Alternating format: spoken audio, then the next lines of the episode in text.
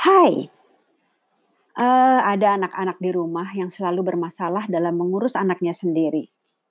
Tapi sangat perhatian dan mampu mengurus anak orang lain dengan baik. Mereka adalah Soko, Mulas, dan Brokoli. Saya pernah cerita di podcast ini tentang Soko yang membiarkan anak-anaknya. Tidak ada satu anak, tidak ada satupun anaknya yang bertahan hidup. Tapi kalau ngurusin anak orang, telatennya luar biasa. Bahkan bisa loh, bayi-bayi itu dia angkut satu-satu, ditaruh di sudut-sudut yang menurutnya aman. Nanti dia akan ngasih tahu sih ke induk aslinya, lalu mereka berdua akan ngelonin bayi-bayi itu bersama. Absurd. Biasanya para induk sih nggak masalah. Palingan yang nyebelin, Soko sering kali lebih posesif dibandingkan induk aslinya. Saya dan Canga suka iseng nyulik bayi-bayi yang sudah melek dan sudah mulai jalan. Ini gemesin banget. Muka-mukanya minta minta diculik amat. Nah, pas saya nyulik, bawa-bawa bayi-bayi itu ke ruang sebelah, Soko akan sudah nongkrong di balik pintu mengeong-ngeong tak berkesudahan.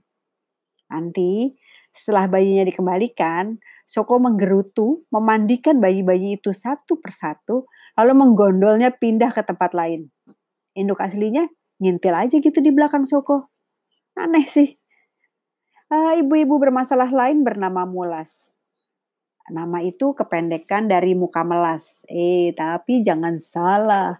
Muka boleh melas, kelakuan brutal, suka galak gak puguh.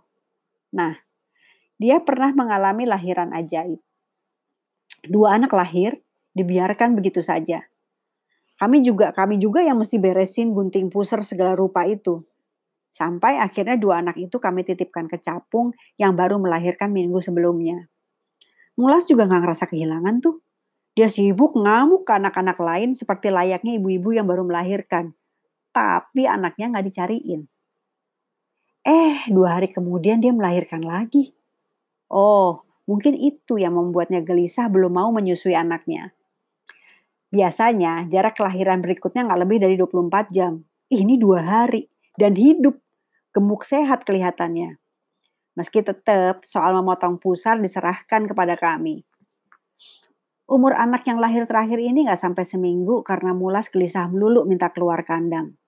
Dia nggak seperti ibu-ibu lain yang kalau punya anak biasanya tekun ngelonin dan nyusuin. Malah biasanya ibu-ibu itu males ninggalin anak-anaknya. Mulas sebaliknya. Akhirnya sih dua anak yang dititipkan ke capung nggak survive juga. Dan seminggu kemudian anak yang lahir terakhir itu meninggal juga dengan kepala yang masih yang agak gepeng. Mungkin sempat terinjak, mungkin sempat tertindih oleh mulas. Hah, nggak tahu lah, ya sedih juga sih.